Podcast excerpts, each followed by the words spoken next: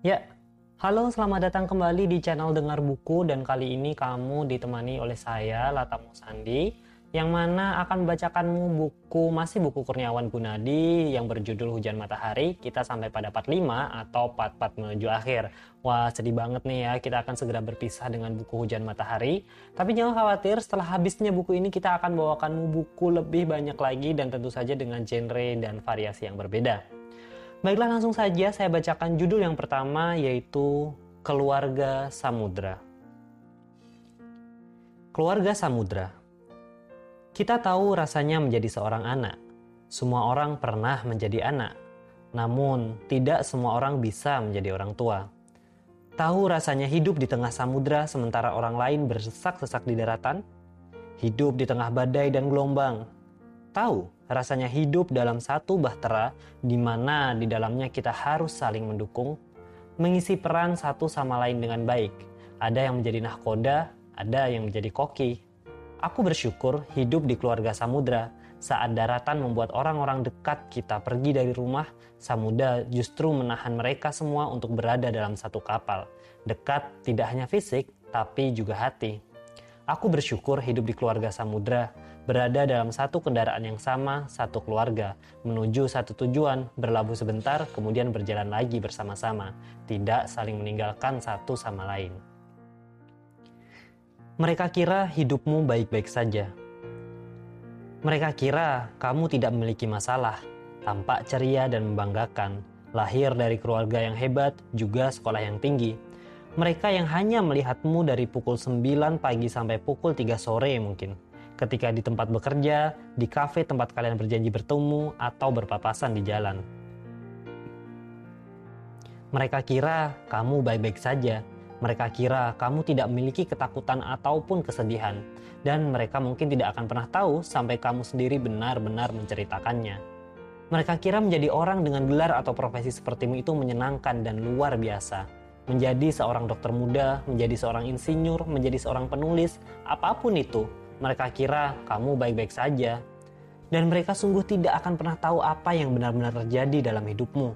Ketakutanmu pada suatu yang kamu rahasiakan, entah itu masa depan, entah itu kebingunganmu menghadapi orang tua, entah itu masalah finansialmu, entah itu masalah masa lalumu atau masalah pekerjaanmu. Mereka tidak benar-benar tahu. Kamu bisa saja tertawa dan terlihat baik-baik saja saat bersama dengan mereka, bercerita hingga berbusa-busa tentang ideologi dan impianmu, tentang hidupmu, cita-cita, hingga pencapaian-pencapaianmu. Tapi selepas itu, selepas berpisah dengan mereka dan kamu kembali dengan dirimu sendiri, membuka pintu rumahmu yang sepi, kamarmu yang sempit dan kembali menghadapi kesendirian kala malam mencekam, kamu teringat kembali kepada kegelisahan dan ketakutanmu. Pernahkah mereka melihatmu dalam keadaan sendiri baik secara fisik maupun psikis seperti itu? Tidak pernah kan? Dan mungkin selama itu pula mereka kira hidupmu baik-baik saja. Mencintaimu. Sebagai manusia, sebagai makhluk yang lengkap dengan akal dan hawa nafsunya, akalku sering bertanya-tanya sendiri. Mengapa saat mencintaimu aku tidak bisa menjadi baik? Atau setidaknya bertindak sok baik? Sebagaimana kalau aku merasa tertarik dengan manusia yang berbeda jenis kelamin denganku itu, kalau aku tertarik, segala upaya untuk menjadi terlihat baik aku lakukan. Bahkan, aku pura-pura mendekati rumahmu agar terlihat baik. Pura-pura membaca surah-surahmu agar terlihat saleh. Aku tiba-tiba menjadi baik, rajin mandi, rajin beribadah. Di dekatnya pun aku tanpa ingin menyempurnakan segala tingkah laku dan bicaraku. Menghalus-haluskan tutur kata, melemah lembutkan perbuatan memberikan perhatian atau mungkin lebih tepatnya mencari-cari perhatian. Kalau hatiku berkata aku mencintainya, aku berbuat sedemikian rupa kepadanya, berusaha menjadi sebaik-baiknya manusia di depannya. Hari ini aku menanyakan keadaanku sendiri. Apa aku tidak benar-benar mencintaimu, meski mulutku berkuar-kuar menyuarakan namamu, berbicara atas namamu di jalan-jalan, mengagung-agungkan namamu di dalam tulisan-tulisan, Lepas dari itu, aku tidak pernah berusaha tampil baik di hadapanmu. Sholatku seperti olahraga pagi, cepat sekali. Bacaanku seperti mengeja huruf paku, tidak jelas dan sedikit ngawur. Aku bertanya-tanya pada diriku sendiri. Ketika menghadapmu, aku berpakaian seadanya. Mandi dulu pun tidak. Berbeda ketika hendak bertemu dengannya, berpakaian sedemikian rapi, wangi pula. Terlihat stylish sepanjang hari meski matahari terik atau hujan. Hari ini aku bertanya-tanya, apakah aku sungguh benar-benar mencintaimu? Sementara aku tahu kau begitu mencintaiku, iya kan? Nilai-nilai dan perempuan. Aku tidak sedang membicarakan bagaimana menilai perempuan, tapi tentang nilai-nilai dan perempuan. Dua hal yang berbeda yang akan aku kaitkan satu sama lain. Dalam hidup ini, setiap orang memiliki nilai-nilai yang dia pegang. Entah itu nilai tentang perasaannya sendiri, nilai agama, nilai etika, atau nilai orang tuanya. Apa pun itu, pertanyaannya, lantas apa hubungannya dengan perempuan? Lagi-lagi tentang perasaan kan? Dalam situasi pranikah, tentu saja bukan pacaran yang aku maksud, Seringkali perempuan menjadi korban perasaan oleh laki-laki yang tidak jelas maksud dan tujuan kedatangannya. Mendekat tapi tidak mau segera mengikat, sok mengikat tapi tidak pernah berani berucap hijab. Dalam banyak kasus yang terjadi, perempuan sering menjadi korban ketidakpastian laki-laki. Harus diketahui bahwa perempuan memang dilahirkan dengan perasaan yang lebih banyak dan lebih peka. Mereka perasa Perhatian sedikit saja bisa mengaktifkan perasaannya. Hubungan laki-laki dan perempuan memiliki perbedaan kebutuhan. Dilihat dari sudut pandang masing-masing, perempuan cenderung memiliki kebutuhan psikis seperti dicintai, dihargai, dilindungi, diperhatikan, dan sejenisnya. Sementara laki-laki lebih kepada kebutuhan biologis tentang bagaimana dia menyalurkan hawa nafsunya. Tentu saja aku berharap ada yang pernah membaca masalah ini dalam kajian-kajian lain.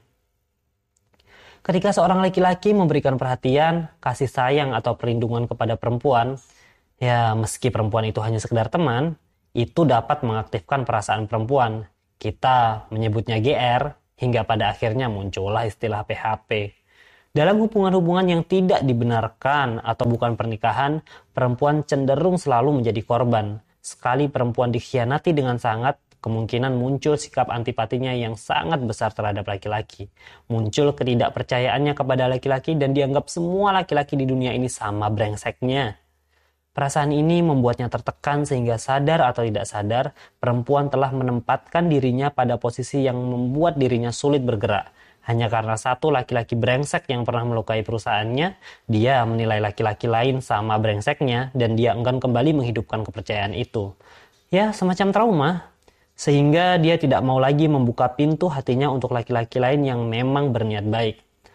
Hal ini sebenarnya sangat bisa dihindari sejak awal bila perempuan memiliki nilai-nilai yang dia pegang dengan tegas, nilai yang membuat perempuan memiliki posisi tawar yang tinggi, nilai yang membuat perempuan berani bertindak tegas terhadap laki-laki modus dengan tampang sok baik.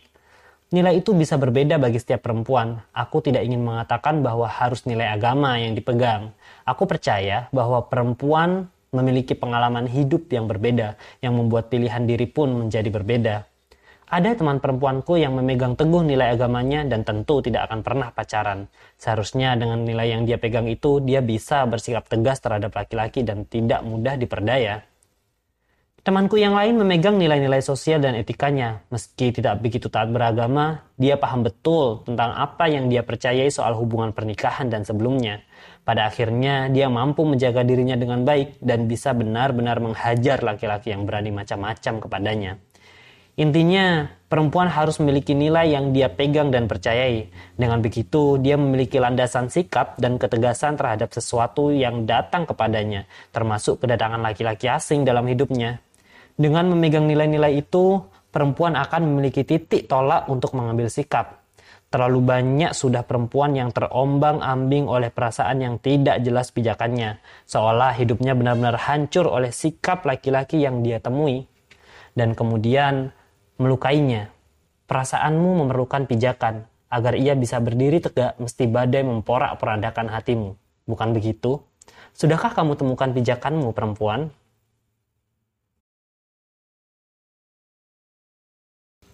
Kehidupan di luar dirimu. Bila masalah hidupmu masih seputar persoalan patah hati, banyak tugas, dibenci orang, susah mudik, makanan tidak enak, sakit perut, kehabisan uang bulanan, tidak bisa ganti HP terbaru, tidak bisa jalan-jalan keluar kota, dan sejenisnya, Bersyukurlah karena masalahmu adalah masalah sejuta umat. Dan karena berjuta-juta yang mengalaminya, berhentilah mengeluh. Karena mengeluh sama sekali tidak akan mengurangi semua itu. Bila masalah hidupmu masih seperti tadi, mari kuajak berjalan-jalan menemui sesuatu yang mungkin kamu kira hanya ada dalam novel, dalam cerita, atau sinema elektronik. Kalau kamu belum menemui hal-hal semacam itu, bersyukurlah karena mungkin Tuhan memang sengaja melindungimu. Percayalah, hidup di luar dirimu tidak pernah baik-baik saja. Jika kamu bertemu teman-temanmu yang tampak begitu ceria, mereka hanya tidak ingin orang lain tahu mengenai masalah hidupnya. Disimpannya rapat, ditangisinya kala sendiri di malam hari kesepian. Kau harus tahu sejenak bahwa hidup di luar dirimu tidak pernah baik-baik saja. Di luar sana, di luar dirimu, orang lain mengalami hidup yang berat, kehilangan keluarganya sejak kecil, tidak tahu siapa orang tuanya, orang tua yang bercerai, keluarga yang broken home, rumah tanpa lantai keramik dan dinding semen, melainkan tanah dan anyaman bambu, perempuan, perempuan yang direnggut kehormatannya oleh laki-laki, laki-laki yang melihat adik perempuannya meninggal, anak muda yang bermimpi sekolah, atau anak-anak yang kehilangan matanya dan menjadi buta. Semua itu benar terjadi dan tentu saja di luar dirimu. Terjadi pada orang lain.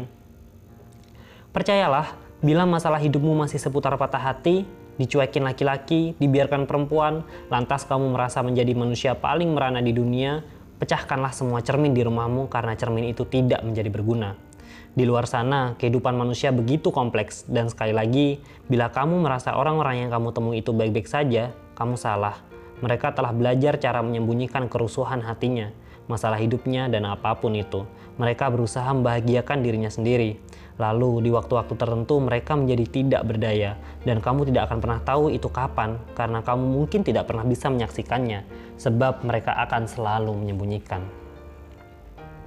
Akar Benih yang jatuh dan bertemu dengan tanah yang subur akan memiliki kehidupan. Tahukah kamu, yang tumbuh pertama kali itu bukanlah tunas, melainkan akar. Akar yang memperkuat pondasi kehidupan sang benih pertama kali akar yang menghujam ke dalam tanah menyerap saripatinya, akar yang akan menghidupi tunas yang tumbuh, daun yang tumbuh, dan batang yang besar. Kehidupan manusia pertama kali seharusnya seperti benih sebelum ia menjadi manusia yang seutuhnya, sebelum ia menjadi manusia yang merdeka dengan pikirannya, sebelum ia menjadi manusia yang bisa bertindak sesuai keinginannya. Akar kehidupannya haruslah menghujam sedari ia kecil, menghujam jauh ke titik hakikat kehidupannya, menjadi pondasi yang kokoh dari karakter seseorang, agar kehidupan yang memberinya saripati-saripati hidup, saripati yang akan membuatnya menjadi bijaksana dalam bertindak, dalam saat berpikir, santun dalam berucap, dan lapang dalam menerima. Sudah terlalu banyak manusia yang tumbuh tanpa akar, sedikit angin menerpa membuatnya goyah, sedikit tanah bergerak membuatnya jatuh, tidak kuat menahan kehidupannya, tidak kuat menahan terpaan, sudah terlalu banyak manusia yang dangkal pemikirannya, hidup tanpa memiliki pegangan, hidup tergantung apa kata orang, percaya pada sesuatu yang tidak pantas dipercaya, berbuat merendahkan hakikat harkat sesama manusia, hidup aman di dalam pot dan ruang kaca. Akar kehidupan mestilah kuat, karakter manusia yang memanusiakan. Kelak bila kita telah menjadi orang tua, pastikan akar kehidupan anak-anak kita tumbuh dengan baik dan kuat, agar kelak bila dia telah menjadi manusia yang utuh, dia memiliki kekuatan untuk mempertahankan dirinya dari terpaan hidup sekaligus memperkuat lingkungan di sekitarnya. Laki-laki dan perempuan, bagian satu. Perempuan tetaplah makhluk yang sama sejak Hawa tercipta, memiliki sifat yang perempuan, memiliki tabiat yang perempuan. Percayalah bahwa tidak sulit memahami perempuan jika laki-laki mau sedikit saja belajar tentang mereka Perempuan sejatinya tidak pernah berubah meski zaman berganti. Laki-laki, dia tetaplah laki-laki dengan segala sifat dan sifat ke kelaki-lakiannya. Tidak pernah berubah segala sesuatunya sejak Adam tercipta. Percayalah, akan mudah memahami laki-laki jika perempuan mau belajar. Tidak dengan menuntut untuk dimengerti tanpa mau mengerti lebih dahulu. Tidak dengan menganggap bahwa dia adalah cenayang yang bisa memahamimu dan membaca isi hatimu dia manusia sama sepertimu, rendahkanlah hati untuk mau berbicara. Itulah mengapa kita belajar komunikasi untuk saling mengutarakan maksud, kemudian saling mengerti. Perempuan diciptakan lengkap dengan segala sifat dan sikap perempuannya. Sifat dan sikap itu tentu berbeda dengan laki-laki, karena fungsi masing-masing dalam kehidupan itu berbeda-beda. Keduanya diciptakan bukan untuk saling meniadakan, tapi melengkapi Maka tidak perlu menuntut untuk setara karena kesetaraan itu bukan dilihat secara kasat mata. Laki-laki juga diciptakan seperti itu, Mungkin arogansinya dalam banyak sejarah telah membuat perempuan begitu takut sehingga hendak melakukan penentangan dengan jalan emansipasi. Sayangnya, tidak semua perempuan paham emansipasi. Ketiadaan komunikasi dan ketiadaan kerendahan hati membuat perempuan menjadi buta akan laki-laki dan laki-laki pun buta akan perempuan. Keduanya diciptakan bukan untuk saling meniadakan. Ingatlah itu. Laki-laki dan perempuan bagian 2. Perempuan dalam alam bawah sadarnya yang paling dalam punya perasaan ingin didominasi, didominasi oleh sesuatu yang menurutnya pantas mendominasi. Jika kata ini kurang tepat, maka akan lebih mudah jika dijelaskan sebagai perasaan ingin dipimpin. semandiri apa pun perempuan meski ke mana-mana sudah berani sendiri, pulang larut malam berani, membuat perjalanan jauh dengan percaya diri, mendaki, bermain air, atau hal-hal bahaya lain, tapi dalam satu masa akan ada perasaan ingin dilindungi.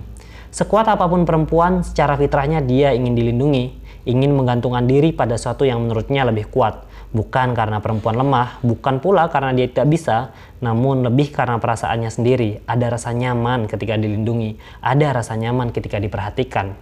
Hal yang sebaliknya ada pada laki-laki. Laki-laki akan merasa menjadi laki-laki ketika dia bisa menunjukkan kemampuannya dalam melindungi, memberi jaminan keamanan, dan menjadi tempat bergantung bagi seorang. Ketika hal-hal itu hilang darinya, maka kelelakiannya benar-benar dipertanyakan, bahkan oleh dirinya sendiri. Mengapa tidak ada orang yang mau mempercayakan keamanan dan perlindungan kepadanya? Laki-laki akan tampak hebat dan kuat jika ada perempuan di sampingnya, karena ada sesuatu yang dia lindungi. Perempuan akan merasa dirinya begitu berharga ketika ada sesuatu yang dengan keras memperjuangkan dan menjaganya. Ini fitrah, sesuatu yang memang berasal dari dalam diri masing-masing. Maka mulailah kita berpikir, jika kita perempuan, sosok seperti apa yang sebenarnya mampu mendominasi kita? Sebaliknya untuk laki-laki, sosok seperti apa yang mempercayakan keamanan dan pelindungan hidupnya kepada kita? Maka sebagai perempuan, berbahagialah ketika yang mendominasi tersebut adalah sosok yang sangat bijaksana yang memimpin dengan sangat baik. Dan berbahagialah laki-laki ketika ada seorang yang datang dan mempercayai kita sebagai tempat berlindung dan mempercayakan hari depannya, bahkan hidupnya setelah mati kepada kita. Impian sesuatu yang bernama impian itu pasti besar, sampai-sampai menurut kita sangat sulit untuk diraih, membuat berdebar-debar, hingga muncul perasaan mungkin atau tidak. Jika tidak seperti itu dan impiannya terlihat mungkin untuk diraih, berarti apa yang diimpikan masih kecil. Dan itu sebenarnya bukan impian, karena impian tidak ada yang kecil. Anonim. Saat seorang manusia bermimpi akan sesuatu hingga di dalam dirinya merasa impian itu begitu tinggi, sampai-sampai merasa seolah-olah tidak mungkin, maka percayalah, manusia bisa menjadikannya mungkin dengan bantuannya. Sudah terlalu banyak kisah di sekitar kita tentang orang-orang yang dulunya bukan siapa-siapa dan kini menjadi seseorang. Dunia ini sungguhlah kumpulan cerita. Cerita-cerita yang seolah-olah tidak realistis dan tidak mungkin terjadi pada kita. Nyatanya, itu terjadi pada orang lain, mengapa tidak pada kita? Orang-orang bisa masuk kampus yang begitu besar dan terkenal di dalam atau luar negeri. Seseorang yang memiliki impian akan fokus pada tujuan dan ketika melihat orang lain mencapainya, ia akan belajar bagaimana cara melakukannya. Bukan sibuk sakit hati atau putus asa seolah-olah impiannya direbut orang lain. Tidak akan ada yang bisa merebut impian kita kecuali diri kita sendiri yang membunuhnya. Impian itu mestilah setinggi langit. Bahkan untuk mencapai bulan pun manusia membutuhkan waktu bertahun-tahun mempersiapkan teknologinya. Lihatlah bagaimana kesungguhannya. Dan sesuatu yang dulu dikira dongeng kosong telah menjadi kenyataan, bukan? Kita telah menyaksikan foto bumi kita sendiri dari bulan hari ini. Impian itu mestilah di antara bintang-bintang, sebab ia tidak akan peduli siang malam, tidak akan peduli hujan badai, bintang-bintang tetap berada di atas awan, di langit yang tinggi dan bersinar terang benderang.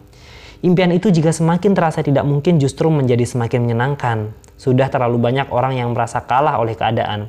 Tidakkah mereka sadar bahwa mereka sendirilah yang tidak mengusahakan impiannya, takut mewujudkannya, takut pada konsekuensi jalan yang dia ambil lalu mengambil jalan amannya, jalan orang kebanyakan. Mereka menggantung impian yang hanya setinggi langit-langit kamar dan semua orang bisa meraihnya, meraih impian yang sama. Bermimpilah yang lain, hingga mungkin cemooh orang akan menjadi sarapan bagi kita, cibiran orang akan menjadi makan siang, dan ketidakyakinan orang lain menjadi camilan.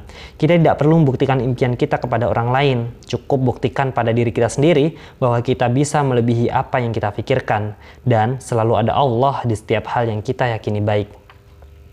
Impian itu pastilah suatu yang mendebarkan, seolah-olah alam semesta hendak menggagalkannya. Kita hanya tidak tahu bagaimana Allah dan semesta ikut serta mewujudkannya. Kita hanya melihat luarannya. Percayalah, impian kita yang terlihat tidak mungkin itu adalah hal yang berharga.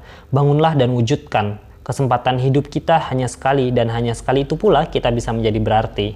Dan kita tahu bahwa tidak ada yang mampu mengubah takdir kecuali doa. Dan Allah akan mengubah nasib kita selama kita mau dan bergerak untuk mengubahnya. Dan jika ternyata impian kita tidak juga terwujud, sementara kita sudah begitu keras mewujudkannya, percayalah dia mungkin sedang berencana menggantinya dengan hal yang jauh lebih baik. Dia melihat usaha dan doamu kan? Tunggu Bagaimana jika tidak ada lagi orang yang mau menunggumu? Dia yang sebelumnya kamu percaya akan menunggumu ternyata pergi meninggalkanmu. Jadi selama ini hanya perasaanmu saja. Kamu merasa bahwa orang lain akan mau menunggu ketidakpastian kedatanganmu. Bagaimana jika tidak ada lagi orang yang mau menunggumu? Yakinlah bahwa kamu benar-benar orang yang ditunggu. Yakinkah? Sempat berpikir, sudah berapa lama kamu membiarkan waktunya habis untuk menunggumu? Lalu, masih berpikirkah kamu untuk menyalahkannya sebab dia telah meninggalkannya meninggalkanmu lebih dulu? Bagaimana jika tidak ada lagi orang yang mau menunggumu karena kamu tidak pernah tepat waktu? Sampai kapan kamu berharap orang lain akan selalu bisa memahami keterlambatanmu? Sampai kapan kamu berpikir bahwa orang lain selalu bisa menerima ketidaktepatanmu? Mungkin sampai kamu benar-benar merasa tidak ada lagi satu orang pun yang mau menunggumu. Mungkin saat itu baru kamu sadar bahwa kamu telah membuang orang-orang yang tadinya begitu sabar terhadapmu, dan kini mereka meninggalkan katamu. Sadarkah bahwa kamu yang meninggalkan mereka karena kamu tidak pernah menghargai waktu yang mereka miliki, karena kamu telah menyia-nyiakan kepercayaan yang telah mereka berikan, karena kamu telah menahan mereka untuk maju hanya demi menunggumu yang tidak pernah bisa mereka pastikan kapan datangnya. Bagaimana perasaanmu saat kamu tahu tidak ada satu orang pun yang menunggumu lagi? Perasaan kita. Bagaimana perasaan kita saat kita tahu bahwa orang yang kita kira tidak peduli sama sekali kepada kita adalah orang yang paling sering menyebut nama kita di dalam doanya? Bagaimana perasaan kita saat kita tahu orang yang menulis begitu dalam dan indahnya dan kita kira itu untuk orang lain, ternyata untuk kita Bagaimana perasaan kita saat kita tahu orang yang sering bersikap dingin kepada kita adalah orang yang paling dalam memendam perasaannya kepada kita? Bagaimana perasaan kita saat kita tahu bahwa orang yang kita benci adalah orang yang paling sabar menghadapi kita? Bagaimana perasaan kita saat kita tahu orang yang menyuruh kita pergi adalah orang yang paling takut kehilangan kita? Bagaimana perasaan kita saat kita tahu orang yang kita kira meninggalkan kita adalah orang yang paling ingin kita bahagia. Bagaimana perasaan kita saat kita tahu? Sekolah kehidupan. Hidup itu seperti sekolah saja. Ada masanya kelas dasar, ada masanya mulus. Lulus dari hidup adalah mati. Mengapa aku analogikan seperti itu? Permasalahan hidup yang sedang kita hadapi bermacam bentuknya, bermacam rasanya, dan itu semua adalah mata pelajaran dalam hidup seperti halnya matematika, bahasa, IPA, dan IPS.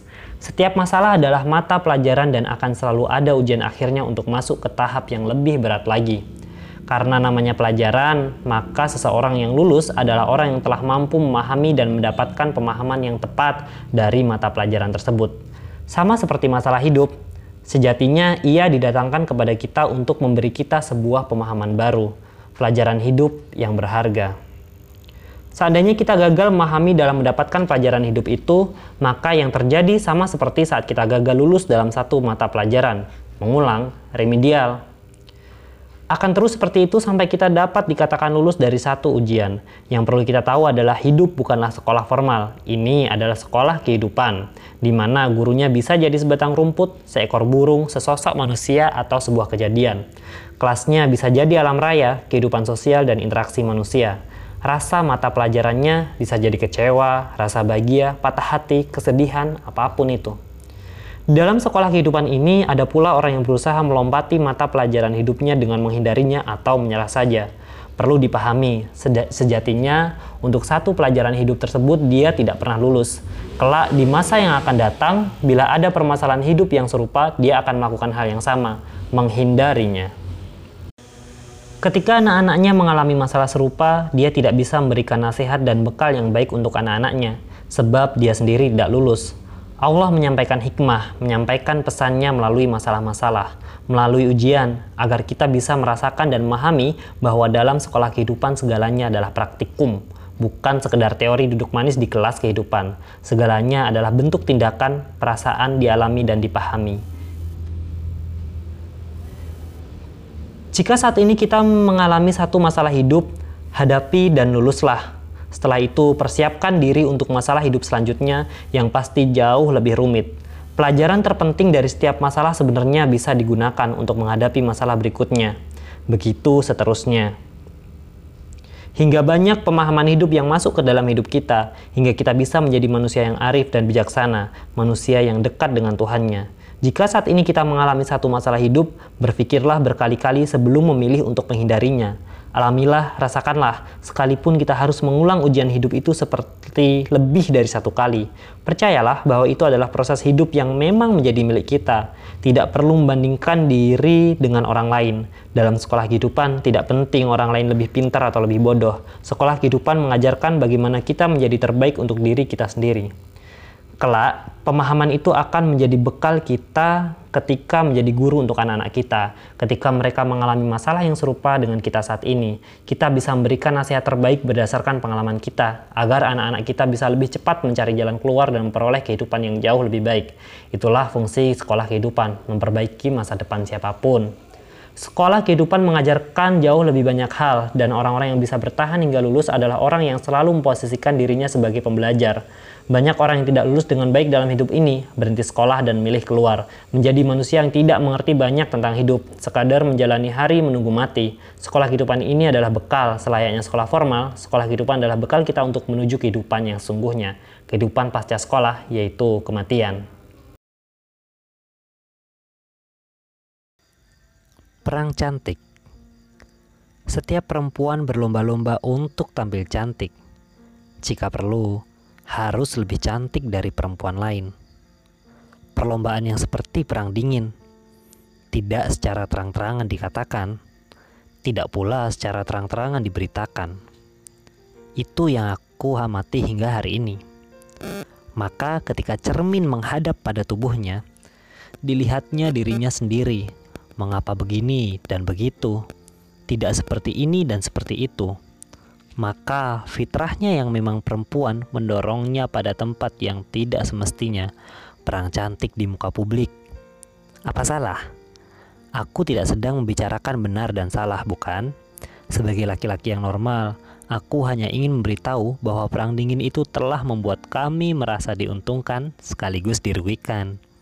Pertama, Diuntungkan karena kami bisa melihat perang ini, menyaksikanmu tampil secantik-cantiknya di hadapan kami yang bukan siapa-siapamu, gratis pula. Sementara kamu menghabiskan rupiahmu untuk semua yang kamu kenakan. Kedua, ruginya adalah kamu membuat kami tidak bisa fokus pada tujuan kami, bahwa laki-laki adalah makhluk visual itu memang benar, dan kalian menguji apa yang menjadi label kami. Jadi, Mungkin nantinya akan muncul pertanyaan, salah siapa jika terjadi tindak asusila seperti di berita-berita? Laki-lakinya yang tidak bisa menahan diri atau perempuannya yang menantang? Pertanyaannya seperti duluan mana ayam dan telur, terjadilah debat kusir. Jikapun kamu ingin menyanggah apa yang kukatakan ini, maka sanggahlah dulu pikiranmu untuk menyanggah.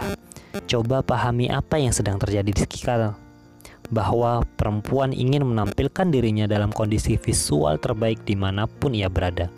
Dan ketika aku keluar dari rumah dan menyaksikan perang dingin itu terus berlanjut hingga kini, aku tidak tahu memutuskan memihak siapa. Apa aku harus mendirikan gerakan non-blok, tidak bersikap. Kini aku memutuskan sikap untuk menuliskannya, sebab menegur langsung tentu akan mematahkan hati. Ketika iklan produk kecantikan menawarkan segala janjinya, ketika di negara lain cantik hanya perlu plastik. aku seperti mengiklankan sesuatu yang berlawanan dengan persepsi cantik secara umum yang dipahami. Sadarkah, ketika kamu memilih terlibat dalam perang cantik, ada jutaan perempuan di luar sana melakukan hal yang sama. Mungkin memilih perang jenis lain justru akan meningkatkan posisimu di mata musuh, atau bahkan di mata laki-laki yang hanya menjadi penonton, supaya mereka segan kepadamu dan memberikan penghormatannya. Berperanglah dalam hal ilmu, dalam berkarya, dalam hal-hal lain yang jauh lebih esensial untuk dipertahankan hingga mati. Jika kamu ingin mempertahankan cantik hingga mati, kamu akan mati ketika mempertahankannya. Sebab cantik itu akan mati, ia akan keriput, ia akan layu. Berperanglah untuk hal yang jauh lebih bermakna, sebab ragam manusia berbatas waktu sementara jiwanya abadi. Bukankah Allah pun menjodohkan manusia dengan manusia sebagai sebuah kualitas sifat, bukan sebagai jasad? Sesungguhnya yang baik akan bertemu dengan yang baik pula, bukan paras ganteng bertemu baras cantik. Atau jangan-jangan tulisan ini pun seperti mengajak berperang. Orang-orang yang mencari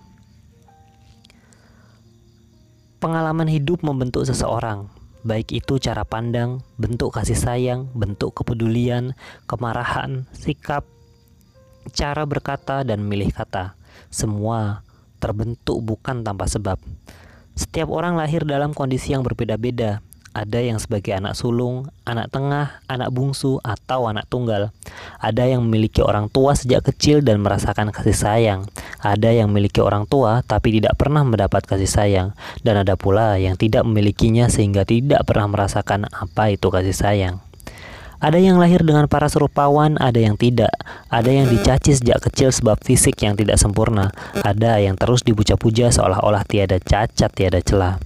Ada yang memiliki keluarga harmonis, lengkap tiada kurang, harta selalu berlebih. Ada pula yang tidak memiliki semua itu. Untuk makan sehari pun perlu mengais seluruh tong sampah untuk diganti rupiah. Baru rupiah diganti dengan sebungkus nasi. Ada yang masa lalunya bersih, suci, lurus, tertuntun. Ada pula yang masa lalunya hancur berantakan sebab susila yang tidak terjaga. Hancur, hancurnya keluarga, ketiadaan perhatian, atau sebab apa pun yang menjadikan masa kecil dan masa lalunya tidak seindah orang lain, yang membekas dan membayangi kehidupannya hingga saat ini. Ada yang dididik beragama, ada pula yang tidak, sehingga mereka baru melakukan pencarian dengan pertanyaan-pertanyaan kritis di usia dewasa, ketika orang lain mungkin sudah tidak bertanya lagi mengapa beragama. Dalam pencarian itu ada yang menemukan, ada pula yang tidak. Ada yang membuat pilihan, ada yang membiarkan dirinya mengalir. Dan aku, aku adalah orang yang selalu kagum dengan orang yang melakukan pencarian. Pencarian tentang hidup mereka yang sesungguhnya. Pertanyaan-pertanyaan hidup yang kritis, pemahaman hidup yang sangat jauh dari kata dangkal. Cara mereka memilih sikap dan memilih resiko. Aku selalu kagum dengan orang yang melakukan pencarian siapa Tuhannya, bertanya-tanya mengapa manusia saat ini membuat banyak Tuhan sementara mereka adalah manusia yang sama. Akan sangat aneh jika Tuhan ada lebih dari satu dan menciptakan manusia di satu bumi yang sama. Aku selalu kagum dengan orang yang melakukan pencarian tentang kehidupannya. Kehidupan seperti apakah yang sejati?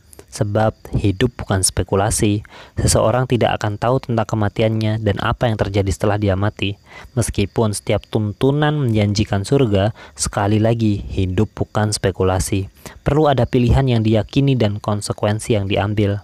Orang yang mencari pada tujuan hidupnya akan bertanya-tanya mengapa dia diciptakan dalam kondisi yang seperti itu kondisi yang mungkin orang lain sama sekali tidak akan pernah merasakannya, kondisi yang menempatkannya pada barisan orang-orang yang mencari, orang-orang yang bertanya-tanya adalah orang-orang yang pada akhirnya akan menemukan. Mereka adalah orang-orang yang memilih karena mencari, memahami, menyadari, lantas mengakui. Tidak sekedar menerima saja keyakinan warisan nenek moyang, orang-orang yang memilih karena paham apa yang menjadi pilihannya, tidak sekedar doktrin orang-orang yang dianggap alim dan suci. Orang-orang ini paham betul bahwa tuntunan tidak selalu tercermin pada penganutnya. Ketika orang-orang saling membunuh dan berbantah dengan alasan membela Tuhan, ketika orang menjadikan tuntunannya sebagai benteng dari kesalahannya, ketika orang membenarkan tindakannya dengan dalil ayat suci, dia tidak terpengaruh oleh mereka. Sebab tuntunan yang benar akan tetap benar, hawa nafsu pengikutnya lah yang merusak. Ketika banyak pengikut yang lebih memilih untuk menyesuaikan tuntunan itu kepada cara hidup yang disukainya, orang-orang yang mencari dan menemukan akan memilih untuk menyesuaikan cara hidupnya kepada tuntunan yang telah dia pilih. Mereka, meski dia harus meninggalkan cara hidupnya yang lama, sangat berbeda bukan? Aku selalu kagum dengan orang yang melakukan pencarian, pencarian yang sangat beresiko. Tidak semua orang mau melakukannya dan merasa lebih aman jika menerima saja. Maka aku bersyukur ketika aku menemukan orang-orang yang mencari, sebab aku ternyata tidak sendirian. Semoga pencarian ini menuntun kita di jalannya pada setiap langkah kita menujunya. Dia akan mendekat lebih dekat dan dialah yang akan menuntun langkah kaki kita. Sejauh kita percaya bahwa kita menuju dia yang hanya satu, dia yang menciptakan langit dan bumi, dia yang menciptakan manusia. Wah, indah sekali ya. Makin lama makin didalami buku Hujan Matahari ini. Uh, dan kita akan melanjutkan pada episode berikutnya part 6 uh, semoga Anda masih setia mendengarkan kami dan terima kasih juga masih mau mampir di channel Dengar Buku. Sampai jumpa.